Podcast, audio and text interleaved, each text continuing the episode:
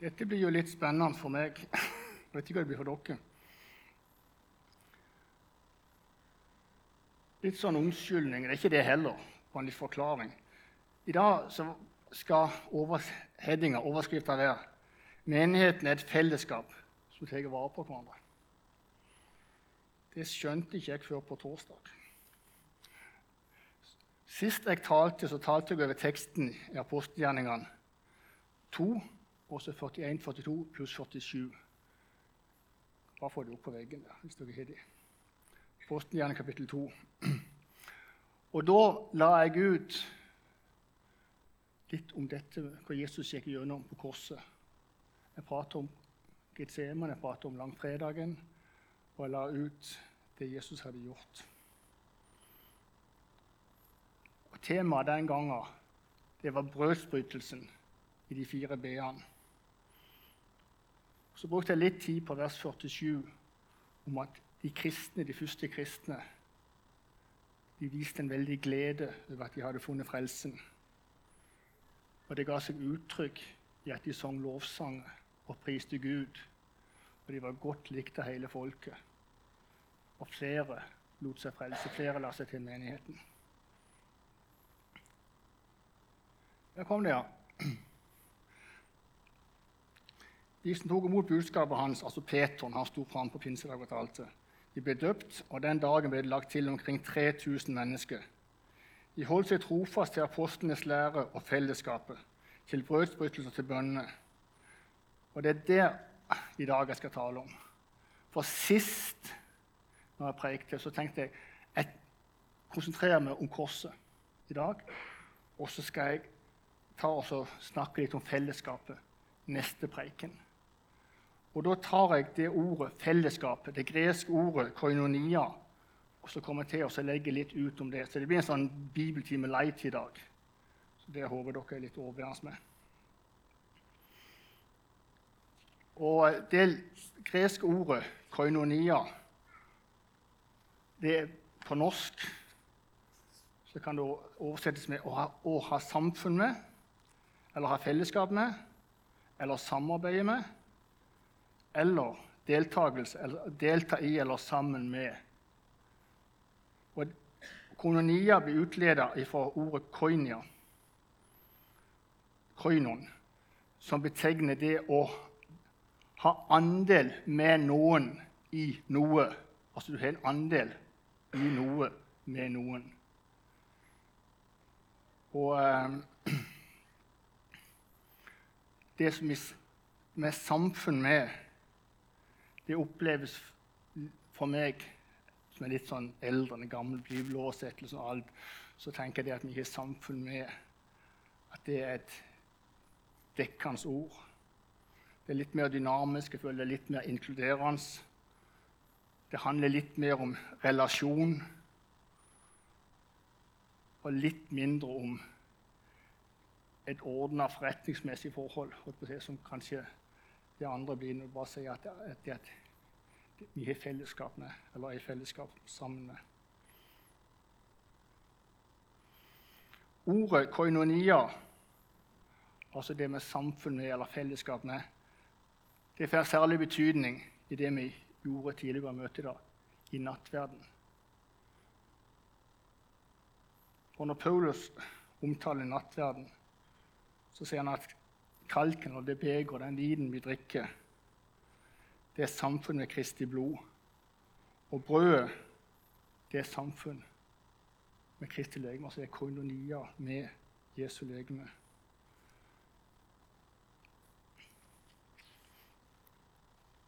Er dere de versene fra 1. Korinterbrev 10, versene 16 og 17? Hvis ikke, så er det ikke det. Fantastisk, altså. Ikke rart hun tok deg fram her i stad. Jeg skal først lese de versene.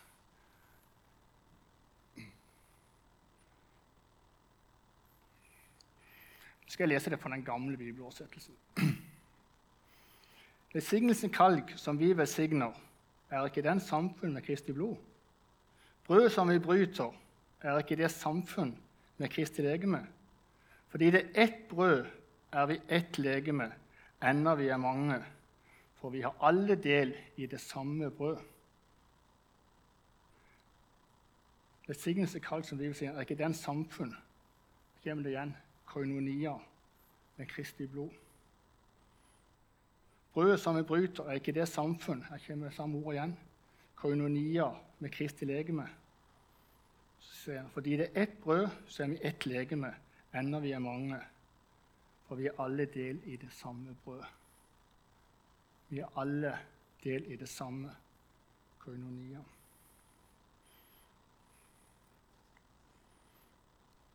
Og Jeg synes det er interessant det Paulus sier her, at fordi vi er ett brød, fordi det er ett brød, så er vi alle én kropp, enda vi er mange.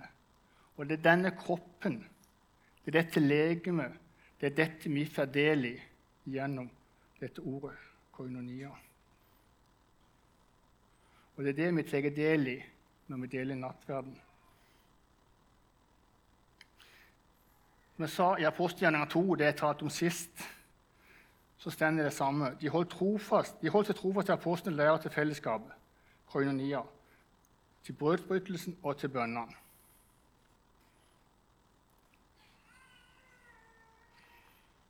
Og Vi leser at dette fellesskapet de første kristne hadde, det var ikke noe overfladisk fellesskap. Det stakk dypt, og det var veldig personlig. Vi kan lese i Apostelens hjerne, kapittel 4, vers 32, at de hadde alt felles. De delte alt. Altså, hele mengden av troende var ett i hjerte og sinn, og ingen regnet det de eide for sitt eget. De hadde alt felles. Her kom det ordet igjen. Koinonia. De hadde alt felles. Her blir alt felles oversatt. Koinonia er oversatt til alt felles. Paulus han bruker ofte ordet koinonia i forbindelse med dette fellesskapet, i forbindelse med fellesskapet som de kristne hadde seg imellom.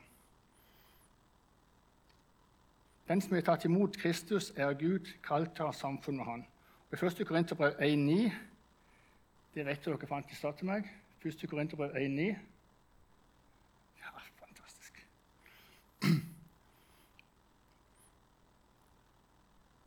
Der sier han Gud er trofast, han som har kalt dere til fellesskap med sin sønn Jesus Kristus, vår Herre.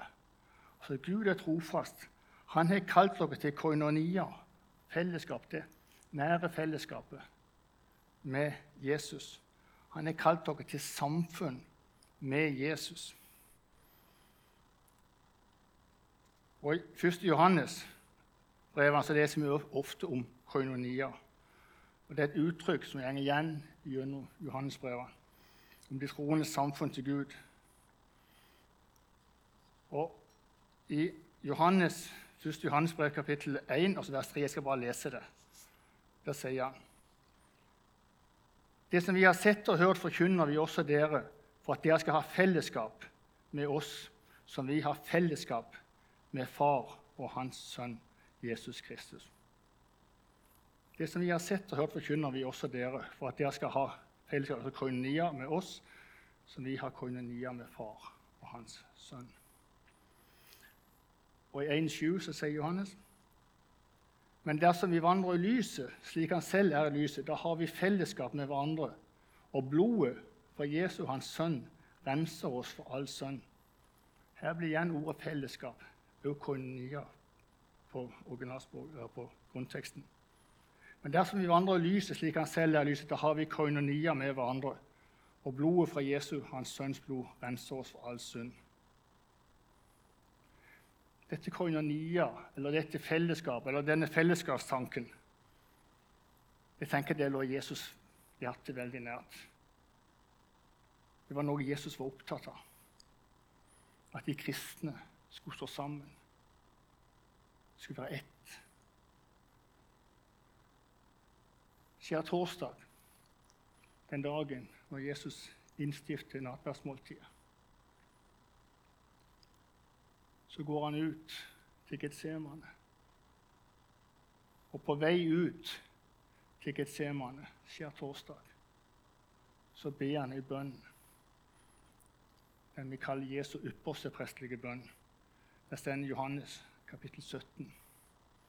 Jeg skal ta ta og lese noen vers derifra som sier litt om at dette fellesskapet oss kristne imellom, det lå på Jesu hjerte. Det var viktig for ham. Først så ber han for disse disiplene som han er med seg, de som er rundt ham, de som lever når han er der. 17, og så skal jeg ta i vers 11. Da ber Jesus. Jeg blir ikke lenger i verden, men de er i verden, og jeg går til deg, Hellige Far. Bevar det med ditt navn, ditt navn som du har gitt meg, så de kan være ett, slik som vi er ett. Her ber han for disiplene sine at de må holde i hop, at de må være ett på samme måten som han og far er ett.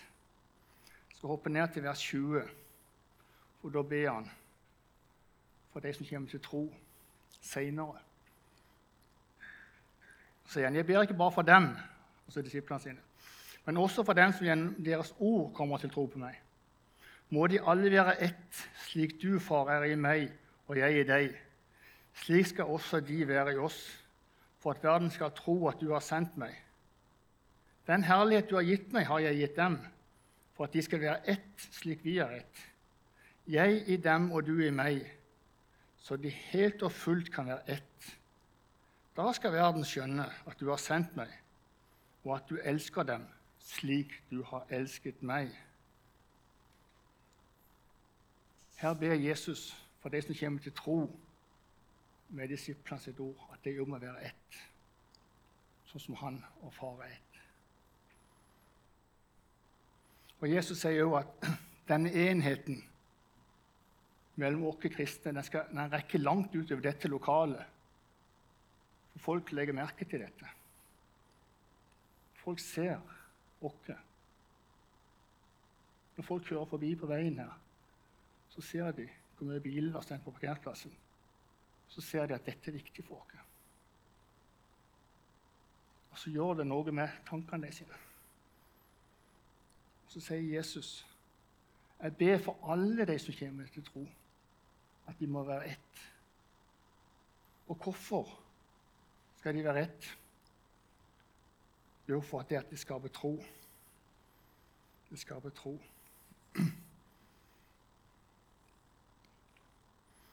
Må de alle være ett, slik du, Far, i meg og jeg i deg. Slik skal de være i oss, for at verden skal tro at du har sendt meg.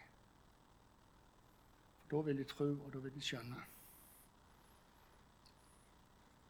Og det samme ordet, koinonia, som jeg snakker om i dag, og den samme fellesskapstanken den blir brukt om vårt forhold til Gud, den treenige Gud. Og den blir brukt om Gud, om treenigheten. Koinonia, treenigheten, fellesskapet mellom Fader, Sønn og Den hellige ånd. Jeg får opp til neste bibel, siste bilverset dere får av meg. 2. Korinter 13, 13 med den apostoliske velsignelsen. Det stender, Og Herre Jesu Kristi nåde, Guds kjærlighet og Den hellige ånds samfunn være med dere alle. Og her Guds kjærlighet, Jesu nåde, Guds kjærlighet, Den hellige ånds samfunn. Hellige ånds samfunn det er På grunnteksten står det koinonia. Altså treenigheten det er koinonia. Så tett tenker jeg at dette samfunnet. Det som er litt spesielt når jeg satt og forberedte dette, her, så søkte jeg på ordet koinonia. Jeg søkte på fellesskap og søkte på alt. Eneste plassen i den nye oversettelsen av koinonia blir oversatt den, altså nå med samfunn. Det er her, i dette verset der det omtaler Guds, Gud som en treenighet.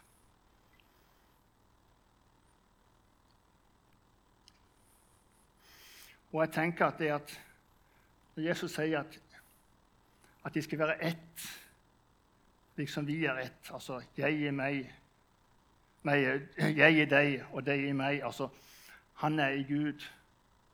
men vi skal være i Han. Altså, jeg klarer ikke å forklare det skikkelig. Men denne enhetstanken er det som ligger i dette ordet, koinonia. Så når vi tok imot frelsen, når vi tok imot Jesus, så fikk vi Den hellige ånd i oss. Så nært tror jeg at det er denne fellesskapstanken. Dette samfunnet med Gud, med Jesus, er tenkt. Og Da sier det at koinonia, eller dette fellesskapet, dette vi deler i nattverden, dette som skjer, det er ikke bare noe ytre som skjer, men det gjelder hele mennesket. Det er noe vi tar del i. Det er noe vi er med i. Paulus han bruker en del bilder på dette fellesskapstanken. Han knytter det opp til menighet. Og Han bruker ofte et bilde på at menigheten er som et legeme, som en kropp. Dette har Geir talt en del om, vet jeg. Og vi hadde det vel i fjor òg på Menighetsviken. Men jeg skal ta og lese en del vers der som sier litt om denne enhetstanken som menigheten er tenkt å være. Jeg skal først gå inn til kapittel 12, og så begynner jeg på vers 12. Slik kroppen er én, selv om den har mange lemmer, og alle lemmene utgjør én kropp, enda de er mange. Slik er det også med Kristus. For med én ånd ble vi alle døpt til å være én kropp, enten vi er jøder eller grekere, slaver eller fri. Alle fikk vi én ånd å drikke. For kroppen består ikke bare ikke av én kroppsdel, men av mange. Om når foten sier 'fordi jeg ikke har hånd, hører jeg ikke til kroppen', så er den like fullt en del av den. Om øret sier 'fordi jeg ikke har øye, hører jeg ikke med til kroppen', så er den like fullt en del av den. Hvis hele kroppen var øye, hvor ble det av hørselen? Hvis det hele var hørsel, hvor ble det av luktesansen? Men nå har Gud gitt hver enkelt lem sin plass på kroppen, slik han ville. Det er Guds ordning. Gud har satt hvert enkelt lem på sin plass på kroppen, sånn som han ville. Jeg stopper bare litt der nå. Jeg skal lese videre. Og jeg tenker at, det at dette er litt viktig, akkurat dette verset her. For sånn som jeg leser det, nå har Gud gitt hver enkelt sitt lem på sin plass på kroppen, slik han ville det. Og da tenker jeg at akkurat du er viktig. Akkurat du er viktig. For du er akkurat satt. Du er akkurat den som Gud vil ha deg til. Han er akkurat sånn som Gud vil ha deg.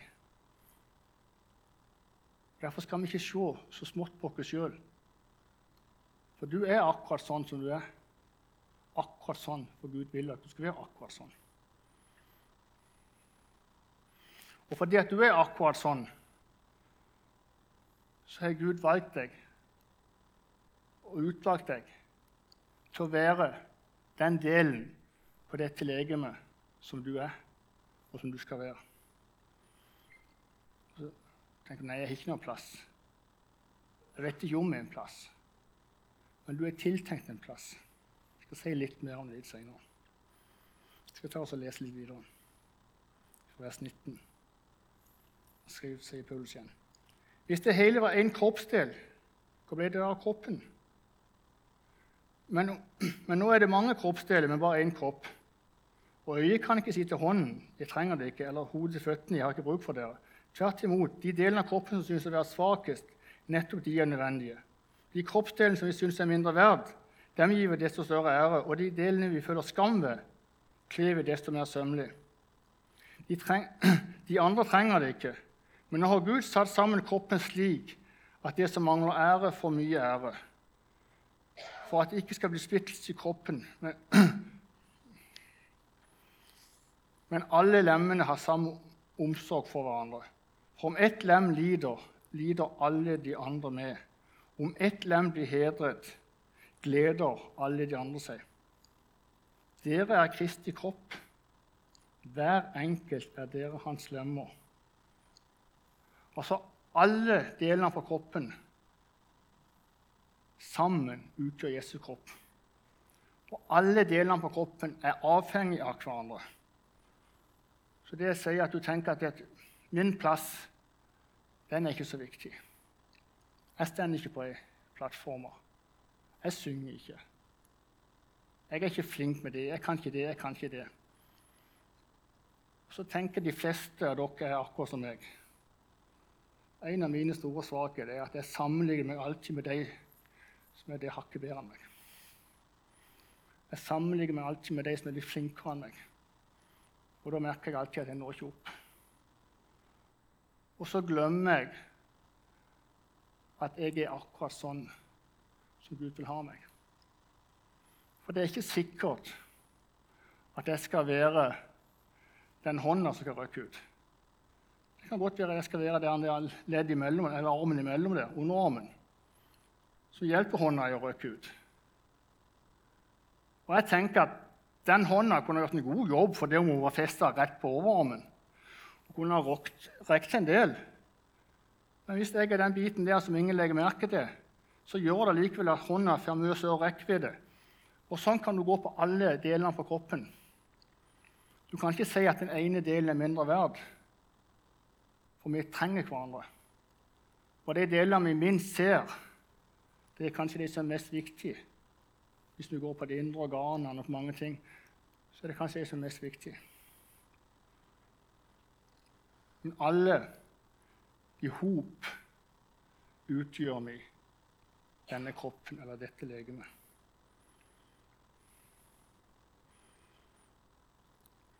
Ja, som leste, Dere er Kristi legeme, og hver enkelt er dere hans lemmer.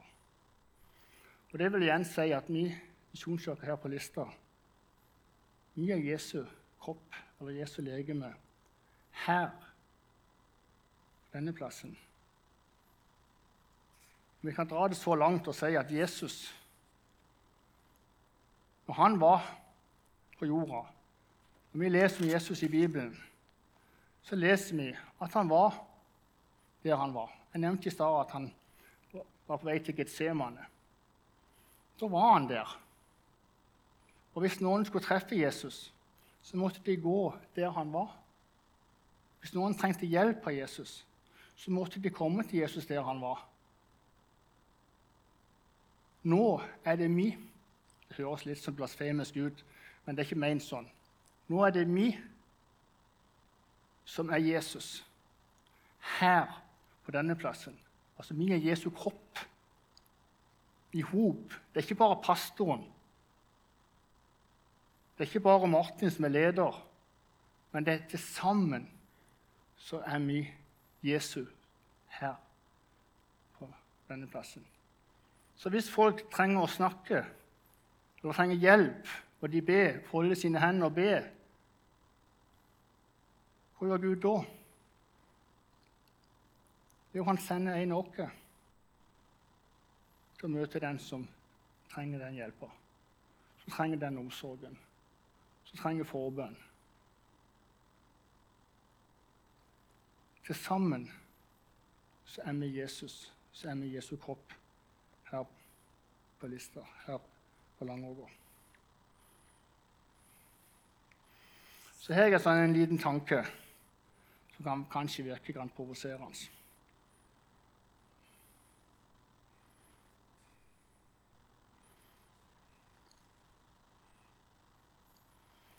Og jeg tenker alene Jeg skal ta noe først. Jeg hoppet litt over dere. Alene, så sier Paulus her, så kan ikke kroppsdelene gjøre noe ting.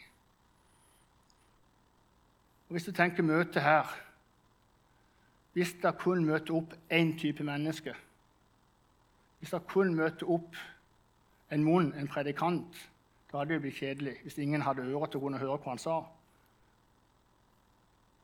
Hvis det bare møter opp to hender, men ingen armer, hvis det møter opp bare en masse føtter, ingen legger, ingen knær, ingen, ingenting mer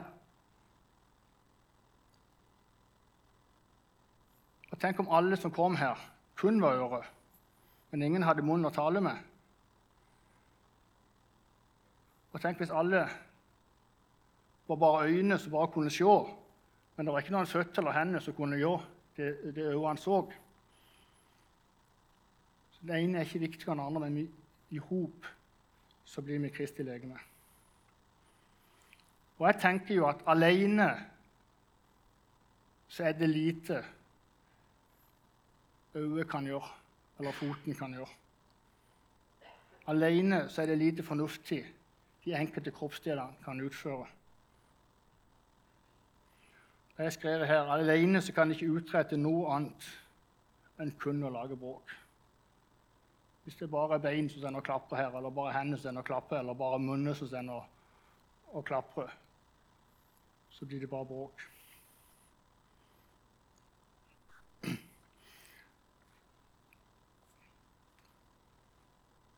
For det er kun når kroppsdelene kommer i hop, at de utgjør en kropp. Det er kun når de kommer i hop, at de kan utrette noe fornuftig. Det er kun når de kommer i hop, at vi kan være noe for hverandre. Hva mener dere så, søsken? sier Paulus. Jo, når dere kommer sammen, har én en salme, én et ord til lærdom, én en åpenbaring, én har tungetale, en annen har tydningen men la alt tjene til å bygge opp. Denne første Korinter 14, 26. Så kommer den tanken som jeg sa her, som kan være litt provoserende, men jeg vil si den likevel.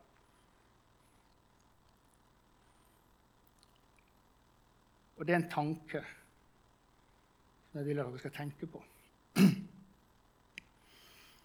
Hva tror du at det gjør med legemet om du velger eller prioriterer bort koinonia, altså dette fellesskapet.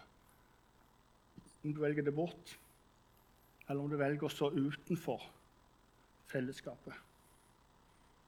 Hva tror du det gjør med kroppen? Eller en annen tanke. Hva tror du skjer hvis du uteblir?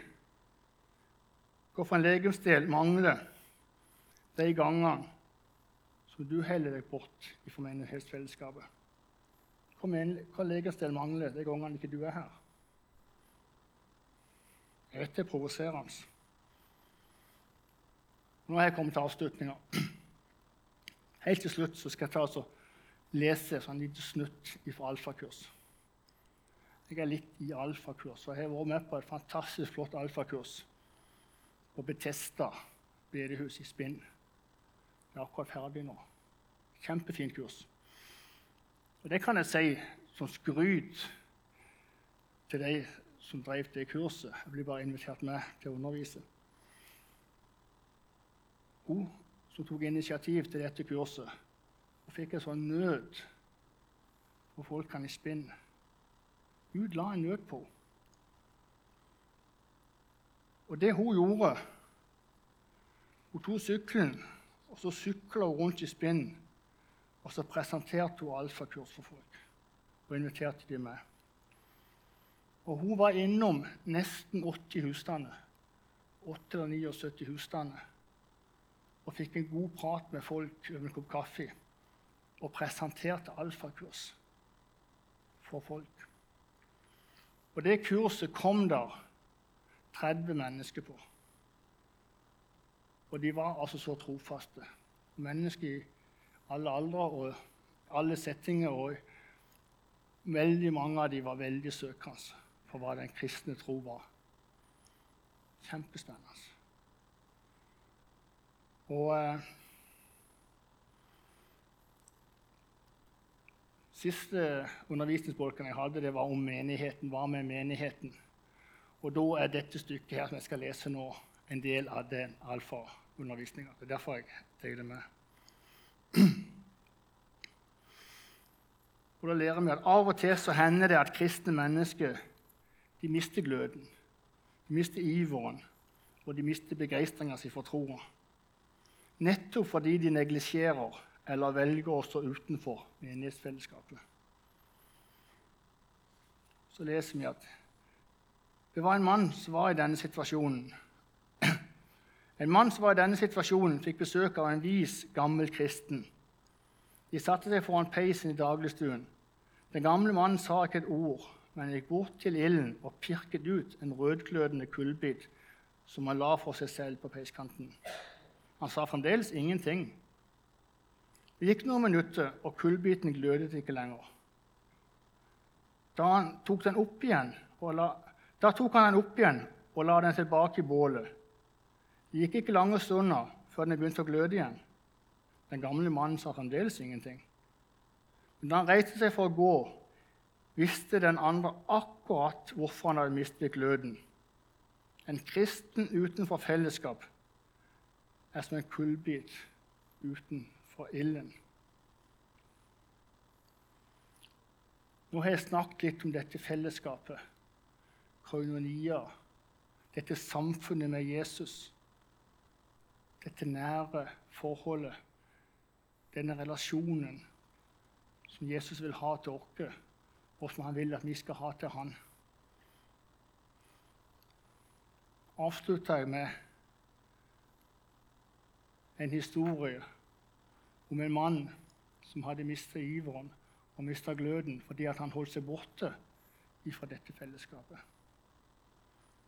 En gammel mann som kom til han, de samtalte om dette. Han sa ikke noe, han gikk bort og så ut en kullbit fra peisen og la den på sida. Det var ikke lenge, så, så slutta han å gløde. Han sa fremdeles ingenting. Gikk tilbake, vippa han den inn til de andre glødene. Så gløder han opp igjen. Og så sier det at en kristen som prøver å stå alene, stå utenfor fellesskapet, han blir fort som denne kullbiten. Han mister gløden. Og hvis du kjenner at du er der, at du av en eller annen årsak står på sida av fellesskapet Du kjenner deg igjen i dette. Du skulle ønske at jeg var en av de som var med i fellesskapet. Kanskje du savner fellesskap. Så har jeg tenkt å avslutte nå. Så har jeg tenkt å avslutte med at hvis dette er noe du kjenner på, og noe du har lyst til, så pleier vi å ha det åpent her framme for forbønn. Så vil det komme noen og være med og be. Og da tenker jeg at Mutti og May-Britt tar et par sanger.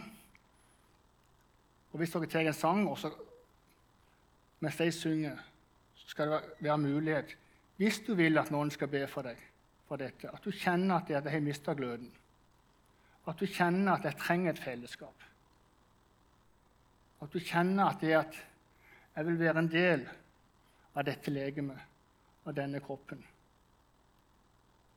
Hvis du har lyst til å bli brukt Uansett, hvis du kjenner deg igjen i noe av dette, så kom fram. Kan du sette deg på fremste rad, så vil det komme noen og være med og be.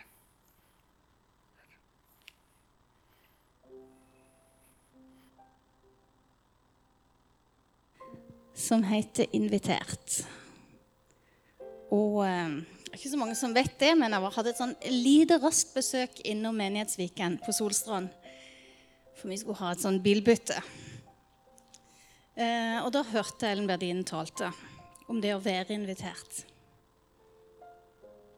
Og vi er faktisk invitert til et enormt fellesskap. Og jeg tror at det som kan være vanskelig for mange, det er at vi vet ikke helt hvor henne vi er henne på kroppen.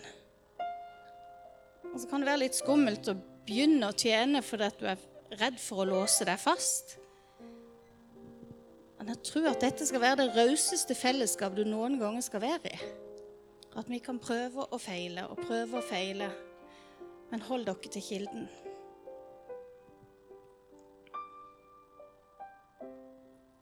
Jeg er invitert til Mesterens hus. Jeg står der med åpne armer. Og her får jeg lov til å legge alt tynger